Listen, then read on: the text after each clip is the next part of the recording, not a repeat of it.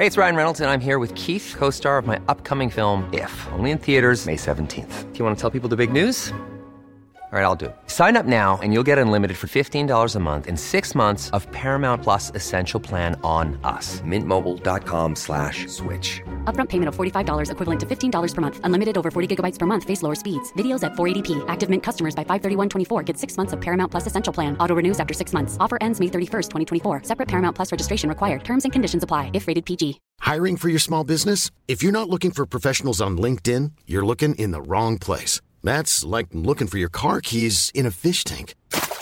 LinkedIn helps you hire professionals you can't find anywhere else, even those who aren't actively searching for a new job but might be open to the perfect role. In a given month, over 70% of LinkedIn users don't even visit other leading job sites. So start looking in the right place. With LinkedIn, you can hire professionals like a professional. Post your free job on linkedin.com slash people today.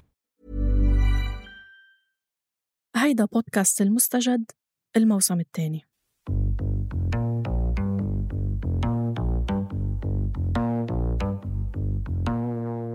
أنا رانا داوود وعم أقدم لكم هالحلقة استثنائيا بمناسبة حدث استثنائي. إحياء لثورة 17 تشرين أو 17 أكتوبر بعد مرور سنة كاملة على انطلاقها بلبنان نحن الشعب المنهوب. نحن الشعب المظلوم. قدام هيدي الضرائب اللي عم تفرضها على الشعب اللبناني هيدي الحكومة. جورج اطلاق نار بهذه الأثناء. أحد المرافقين يطلق عن نيران بوضوح. مثل اليوم السنة الماضية نمنا بلبنان على خبر مظاهرة ببيروت. طلعت احتجاجا على ضرائب جديدة فرضتها الحكومة اللبنانية. كانت مظاهرة صغيرة نسبيا شارك فيها المئات. مشهد مألوف ما توقعنا يحمل معه شيء أكبر. ضريبة الواتساب. هيك عنوانتها الأخبار. بس الحقيقة أنه أسباب الاحتجاج أكبر من هيك والضرايب الجديدة كانت بس شرارة. لا يقول تعداد المتظاهرين عم تزداد بسرعة. كنا 11 جبل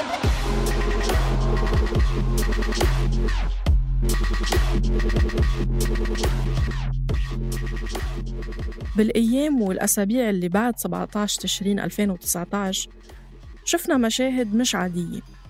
شفنا ساحات تظاهر بكل المناطق من شمال لبنان لجنوبه. شفنا وسمعنا شعارات ضد ظلم السلطة والوضع اللي ما عاد ينحمل معيشياً.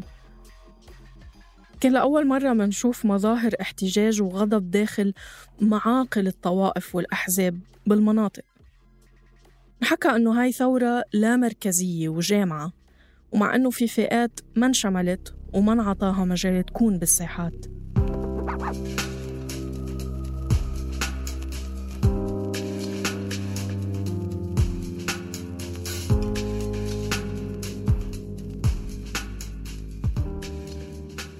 بحلقة اليوم من بودكاست المستجد رح نحكي عن قصة وحدة من هالاحتجاجات. بس بعيدة شوي عن المشهد. على الهامش. عن مجموعة من سكان لبنان مش سهل بالنسبة لهم يكونوا بالشوارع مع أنه عندهم كتير أسباب ليثوروا على النظام اللبناني. رح نسمع من شخصين ليحكوا لنا عن تجربتهم كفلسطينية وسوري بالأخص بلبنان. رح يحكوا لنا عن حقهم بالتظاهر والمشاركة السياسية.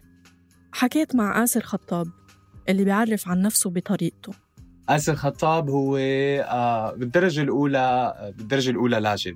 خلينا نعرف كلمة لاجئ هون بهالسياق. هو شخص آه، دائما أجبر على أنه يغادر الأماكن يلي يلي بيستقر فيها.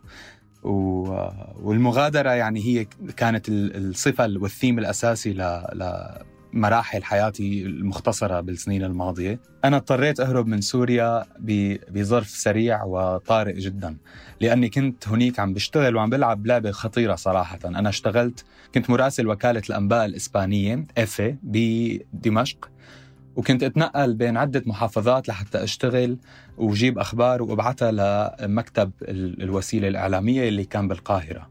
ما عندي تصريح لحتى زاول هي المهنة واللي هو أمر آه، طبعا مطلوب و- و- وإجباري بالقوانين السورية وكنت مقيم على بعد عدة بنايات فقط من وزارة الإعلام. كان في مخاطرة كبيرة آه، يعني أنا محظوظ بإني نجيت. كمان حكيت مع لما أبو خروب. لاجئة فلسطينية خلقانة وعايشة بلبنان. تشكلت علاقتها مع هالبلد على مرحلتين بالمخيم وبرات المخيم. بلش يتشكل وعي سياسي إنه بفترة الجامعة تقريبا بعد ما طلعت من المخيم في بمخيم بتنطرح بتطرحي على نفسك أسئلة معينة بس ما بتكون تشكل لك صدمة لأن العالم حواليك متأقلمين مع الوضع والعالم حواليك كلهم بيشبهوك. بس لما لما طلعت من المخيم وكان بالنسبة لي عم بنقل كأنه من extreme ل extreme فكان في كتير أسئلة أو kind of shock إنه أنا آه ما عم بفهم كثير قصص. وقتها بلش يتشكل وعي سياسي وطبعا بعدين لما بلشت أدرس علوم سياسية. لما وآسر وعلى اختلاف المدة اللي قضوها بحياتهم بلبنان عاشوا تجارب متشابهة. آسر بيعتبر حاله من اللاجئين السوريين اللي كان عندهم امتياز طوال فترة عيشه ببيروت لأنه قدر يشتغل بمؤسسة أجنبية على الرغم من عدم حيازه أوراق نظامية. وكان عنده دخل ثابت مقارنة بمئات آلاف السوريين اللي بيعيشوا بمخيمات أو أحياء فقيرة. بعد وصوله على بيروت لما راح آسر يفتش على بيت هو وصديقه الفرنسي تأكد إنه كل امتيازاته ما بتعفيه من معاملته كسوري بلبنان بالأول والأخير. رحنا التقينا بصاحبة البيت وبلش الحديث فورا باللغة الفرنسية لجهة انه إنه هو الشخص يلي معي فرنسي. ولجهة أخرى أنه هي من الأشرفية. وبلشنا عم نحكي آه، حوالي نص ساعة تقريبا أخذ وعطى آه، أنت وين بتشتغل؟ أنت شو بتساوي؟ وبعدين خطر لها إنه تسأل أنتم من وين؟ فحكيت معه أول شيء وجهت له السؤال له قالت له أنت من وين؟ ونحن كان الاتفاق بيناتنا إنه هو يحكي أكثر آه طبعا لأنه أنا فرنسي فرنسيتي على قدها. آه كانت ولا ولا تزال. فسألته أنت من وين؟ قال أنا فرنسي من أعتقد كان من بيزانسون هو. قالت له عالي كثير انبسطت. آه، قالت لي أنت من وين؟ قلت لها أنا سوري. سكتت هيك شي 10 ثواني. بس بعدين آه، صرت شوف إنه هي عم تعمل حسابات بمخها. أنا سوري بس عم يحكي فرنسي عم يشتغل بالفاينانشال تايمز إنه ممكن في شيء آه، ممكن يعني في كفة يعني في شيء بالكفه الثانية ممكن يتقلها أكثر من الأولى. بقى صارت تسألني قال لي سوري سوري يعني؟ قلت لها إيه. قالت لي إمها كمان سورية. قلت لها أمي سورية وأبي سوري وطول عمرنا كنا سوريين. قالت لي كيف انت طبعا هاي الجملة اللي بسمعها دائما يلي سواء لما بتطلع عن حسن نية أو عن سوء نية بتورجينا شوي عن النظرة يلي منتشرة كثير عن السوريين. إنه كيف أنت سوري وبتحكي لغات وبتشتغل بشركة أجنبية؟ آه، باليوم يلي انتقلنا فيه على البيت دقت الباب بعد شي نص ساعة. قلت خير إن شاء الله. قالت لي ليك بدي أقول لك شغلة. قلت لها شو؟ قال إذا بدك تشتري اشتري شيء من الدكان أو من شي محل أو شي شغلة ما تشتريهم من اللي حوالين البناية فورا لأنه بيعرفوني ويعني بلا ما يعرفوا إنه أنا مأجرة واحد سوري بالبناية. قلت لها ماشي تكرم عينك. بالنسبة للما الفلسطينية مش غريبة عنا هالمواقف ابدا. بتذكر يعني من أول مواقف العنصرية اللي تعرضت لها آه، كانت عنصرية بقلب مؤسسة بقلب بنك. كنت بعدني أول سنة جامعة ورايحة أفتح حساب. فرع ببيروت فوقتها ما ما فتحت الحساب بس شافت الهوية. يعني كانت عم عم تسألني أسئلة بس شافت الهوية. قالت لي آه، بس للبنانيين. فوقتها أنا كثير عصبت انصدمت يمكن نزلت بوست على فيسبوك بس أنا ما كنت قادرة أرد عليها. أه ومن بعدها طبعا فتحت حساب عادي بنفس الف... بنفس البنك هذا بفرع ثاني بمنطقة ثانية يعني أنا ما كنت قادر أفتح حساب بنك بسبب أه إنه ما عندي إقامة ما قادر إنه يكون عندي تأمين صحي. بتعرفي أنا هلأ هون يعني أنا لي بالسوق المهني خمس سنين أو أكثر بلشت أشتغل من لما كنت طالب. أول مرة بحياتي بيكون عندي حساب مصرفي وبيكون عندي تأمين صحي هي خلال الثلاث أربع شهور الماضيين. قبل هيك ولا مرة أتيحت لي الفرصة لا بسوريا ولا بلبنان. قدر آسر بالأخير يعمل حساب بالبنك لأنه انتقل مؤخرا على فرنسا وحاليا مقيم فيها.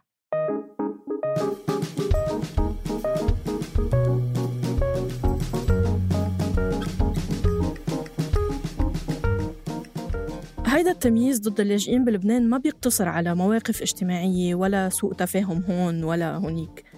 هو شيء متجذر بالقانون ممنهج مسستم. وبما أنه الفلسطينيين صار لهم أكثر من 70 سنة بالمخيمات فبنقدر نتبع التمييز القانوني ضدهم بصراحة. مثلا بتعتبرهم الدولة أجانب وبالتالي ما بيتمتعوا بمعظم الحقوق المدنية. وممنوعين من تملك العقارات وفي قيود على نوع المهن اللي مسمح لهم يشتغلوها. وممنوع عليهم حوالي 30 مهنة منها الطب، التمريض، الهندسة، المحاسبة أو حتى سواقة التاكسي. هيدا الحال وفكرة أنه معظم معيشة الفلسطينيين بتعتمد على إعانات وخدمات من وكالة غوث وتشغيل اللاجئين الأونروا. خلت الفلسطينيين يعيشوا بمعدلات فقر عالية توصل لل 65% من مجمل عددهم. هيدا غير عن سوء الحال بمساكن المخيمات وشبكات الصرف الصحي فيها. والقائمة تطول. هلا الواحد بفكر إنه هالمشاكل موجودة وفعلا بتشبه أو بتتقاطع مع مشاكل اللبنانيين من فقر وبطالة ونقص خدمات. إنه ليه يا خيي ما بيحتاجوا هالفلسطينية؟ إيد بإيد مع اللبنانية.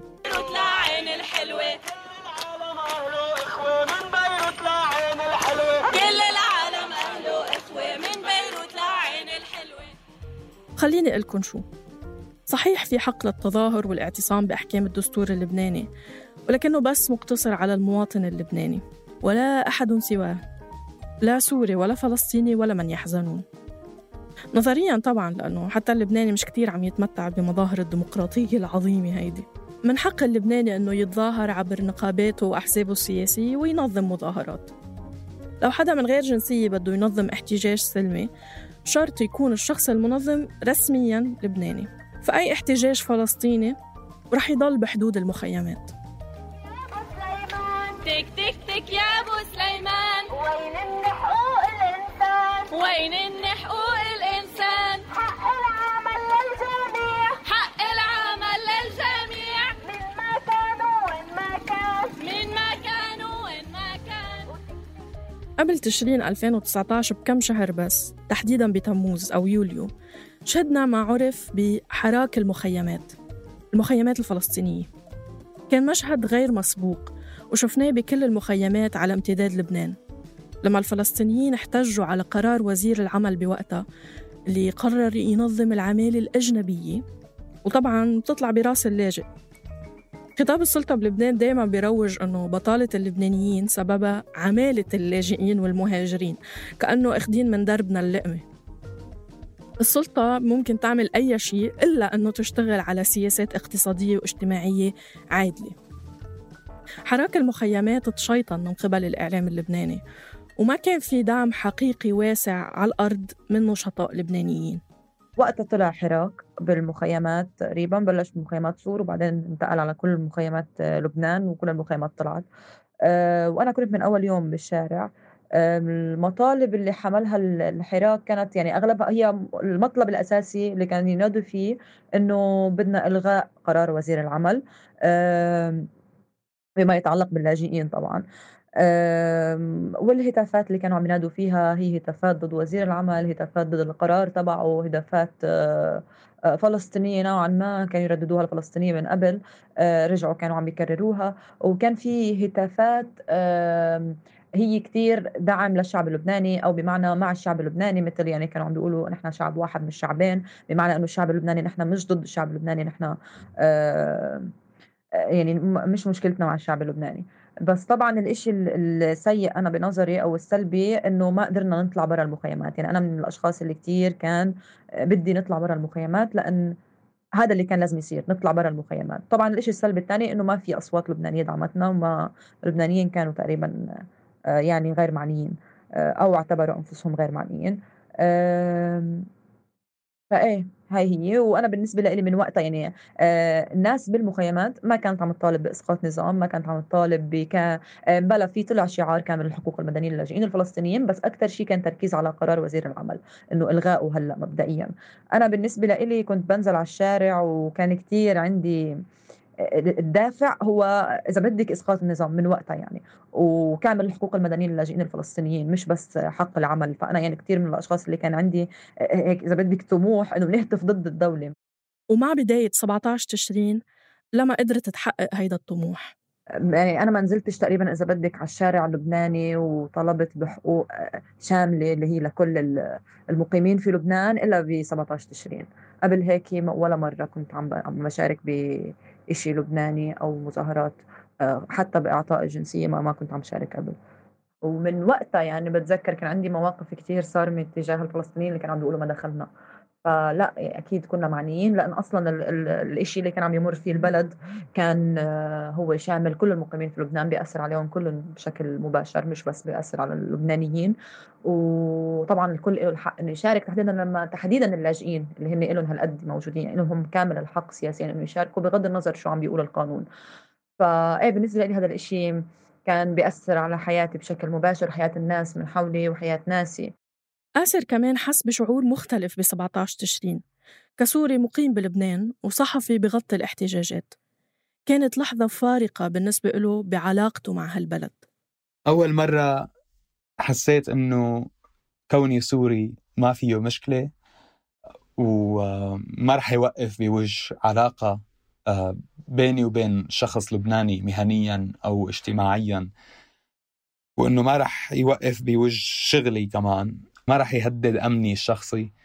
كان لما كنت ب بأول بثاني يوم بالاحتجاجات يعني ب 18 تشرين الأول آه، بال 2019 من سنة لأنه كان اليوم يلي نزلت فيه. وبلشت أحكي مع الناس بلهجتي. طبعا أنا ما حاولت إني اغير لهجتي. وكل مرة كنت حس يعني نادرين كانوا الناس بأوساط محددة اللي يهينوكي فورا بشكل مباشر بسبب لهجتك. ولكني بلشت إني القط رد الفعل السلبي سواء من لغة الجسد أو من نظرة أو من آه أي شيء يصدر عن الشخص لما قول الكلمة يلي يلي يعني بتحسم بتحسم يعني بتحسم الجد باليقين إنه شك باليقين إنه هذا الشخص سوري. آه وكنت دائما بكل مرة أحسها لما أروح أشتري اغراض لما أروح أدفع فاتورة بحس إنه نحن مدركين إنه أنت لهجتك سورية وبشكل أو بآخر آه هذا الإدراك عم ينعكس على تعاملنا معك. ولو ما كان هذا التعامل بشكل واضح أو بشكل جلي هو تعامل عنصري بالتعريف التقليدي للموضوع. آه لما كنت بيوم 18 تشرين الأول بين الناس ما حسيت بهذا الشعور. وبعضهم بلشوا بأنه هن آه يستخدموا إدراكهم لهويتي السورية لأنه يضيفوا آه موضوع العنصرية ضد السوريين بلبنان لقائمة الأشياء اللي عم يعدوا لي إياها اللي هن نازلين يتظاهروا ضدها. لأنه كنت عم قابلهم آه، مقابلات صحفية وسجل. فواحد منهم ما بنسى آه، يعني اصبعته وصلت على صدري وهو عم يأشر عم يقول لي نحن نازلين اليوم لكل حق مغتصب بهالبلد لبناني سوري فلسطيني. وهذا الشيء كان خلاني أحس مرة الأولى إنه يمكن أنا لي محل بهالبلد. رغم شعوره المطمئن هيدا كان آسر خايف بأول يوم ينزل على المظاهرات حتى كصحفي لحتى ما يثير غضب جهة من الجهات ويعرفوه ويعرفوا شكله. لما بتعرف هيدا الخوف منيح وبرأيها هو الخوف ذاته اللي ما سمح للفلسطينيين يشاركوا بالاحتجاجات بشكل كبير. هلأ ليش الفلسطيني ما شارك أول شغلة الخوف؟ إنه هو بيخاف يشارك من المرحلة الأمني إنه ك على الصعيد اللبناني سياسيا آه، قانونيا سوري ما بيسمح له. وبنعرف كيف امنيا بيتعاملوا مع الفلسطيني ومش بس مع الفلسطيني مع غير اللبناني بشكل عام ومع اللبناني شايفينه كيف عم يتعامل. فإذا هو عم يتعامل هيك مع اللبناني كيف يتعامل مع غير اللبناني بتكون المعاملة كتير أقسى. فهذا الإشي بشكل خوف للفلسطيني بيمنعه إنه يشارك. شغلة ثانية الفصائل الفلسطينية اللي هي تعتبر نفسها أو اللي هي مسؤولة بدرجة أو بأخرى عن الفلسطينيين في المخيمات تحديدا. كانوا عم يلعبوا دورهم إنه أنتم ما ما تشاركوا. إحنا ما دخلنا. فصائل عممت إنه نتمنى على الفلسطينيين ما يشاركوا. ما دخلنا هذا شأن لبناني. ففكرة إنه شأن لبناني اللي عززها هو الفصائل الفلسطينية. آه، هو هاي هذا النوع من الخوف اللي هن عملوه وهذا النوع من منعهم أو ردعهم على إنه أنتم ما دخلنا. بلشوا يستذكروا الماضي ونحن لما شاركنا بالماضي آه شو صار ونحن كيف عملنا لما شارك آه عملونا لما شاركنا بالماضي. الماضي اللي بتخاف منه الفصائل الفلسطينية قصة طويلة كلها خسارة. ترجع لأيام الحرب الأهلية اللبنانية. يعني عم نحكي من ال 75 بس أكيد ولا طرف من الأطراف بده تتكرر. والحقيقة إنه موضوع مشاركة الفلسطينيين أو السوريين بالحركات بلبنان شوي معقد. بسبب هالماضي بسبب الطائفة اللي بينتمي لها معظم اللاجئين وبسبب كل علاقات القوى السياسية الموجودة هلأ واللي بتستغل وجود اللاجئين بالحركات السياسية لتلبسها شي مؤامرة. هلأ أنا بشوف الموضوع من منظورين. رأيي الشخصي هو إيه مية بالمية لهم حق الفلسطينيين والسوريين إنه يكونوا موجودين بهي التظاهرات. اولا لأني أنا شفت إنه عدد كبير إذا مو العدد الأكبر من الناس اللي حكيت معهم من الموجودين ومن اللبنانيين هناك آه، كانوا مرحبين بالموضوع لأنه بينظروا على اللاجئين السوريين والفلسطينيين إنه هن سكان ولهم حق وأحقية بإنه يعيشوا ويطالبوا بهاي المطالب مثل ما اللبنانيين لهم حق. ولكن الفكرة هي إنه أنا شفت بهديك الوقت إنه وجود السوريين والفلسطينيين المعلن عم يأذي الاحتجاجات بظل الظروف الموجودة هناك آه، بالوقت والمناخ اللي كان بوقتها واللي ما زال موجود. لأنه كان عندنا طبقة سياسية مع الأسف ما كان في دليل بوقتها على أنها رح تنهار وما انهارت. ناطرة تمسك على المحتجين أي شيء. وشفنا مواضيع الاتهامات بأنه المتظاهرين عم يتلقوا دعم مالي من السفارات ومن الخارج و...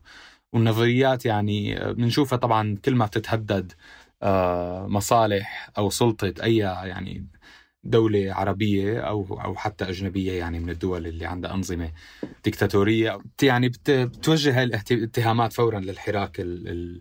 وأحد الاتهامات كان إنه أي هدول كلهم سوريين وفلسطينيين أو عدد كثير منهم فلسطينيين وسوريين. يعني صرت لأن مطرح من المطارح صرت أحس إنه وجودي شوي كثير مه... كثير في تهديد حتى يعني في كان في أصوات من تحت بالشارع بحوارات كنا نعملها. كان في لبنانيين مثلا مأمنين إنه نحن بنطالب بحقوقكم أنتم ما ضروري تنزلوا مثلا. فهذا الإشي برضه بيعمل خوف.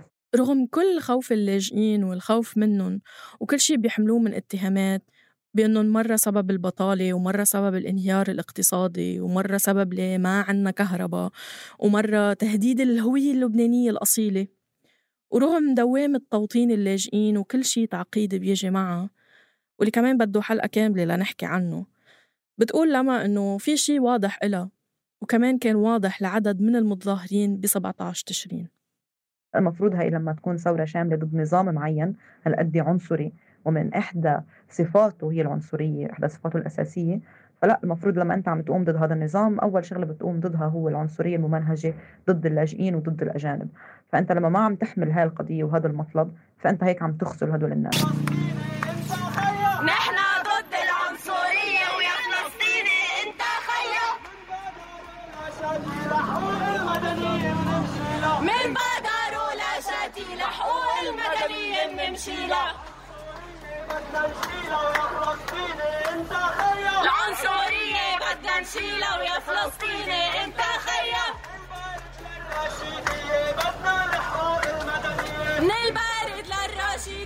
بدنا لحوق يلي بيسأل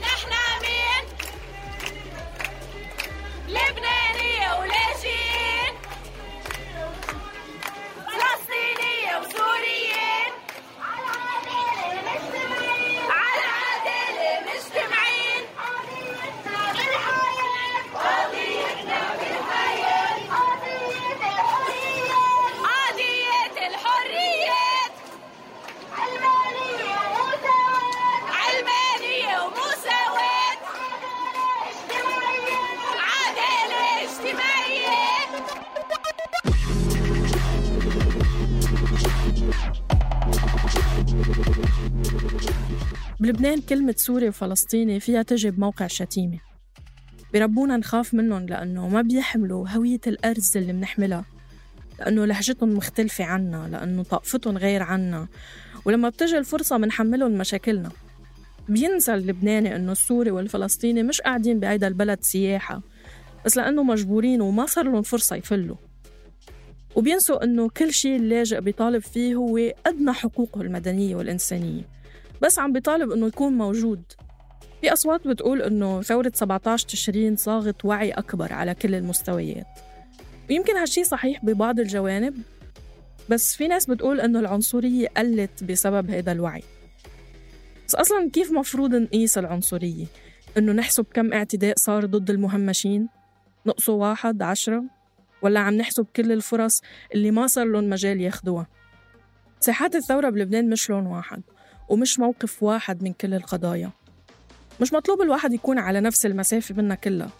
بس فينا وبيسوى نتضامن مع بعض لأنه هو النظام نفسه عم يقتلنا كل يوم.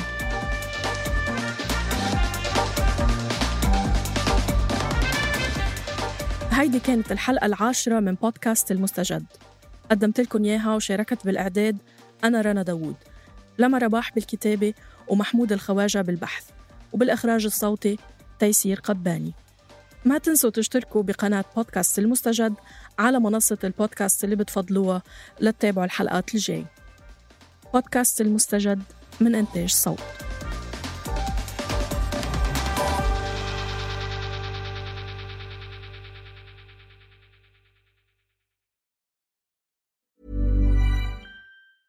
Even when we're on a budget, we still deserve nice things.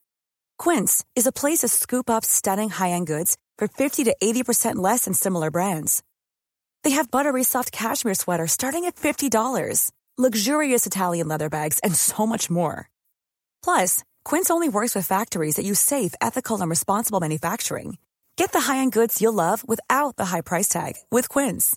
Go to quince.com/style for free shipping and 365-day returns.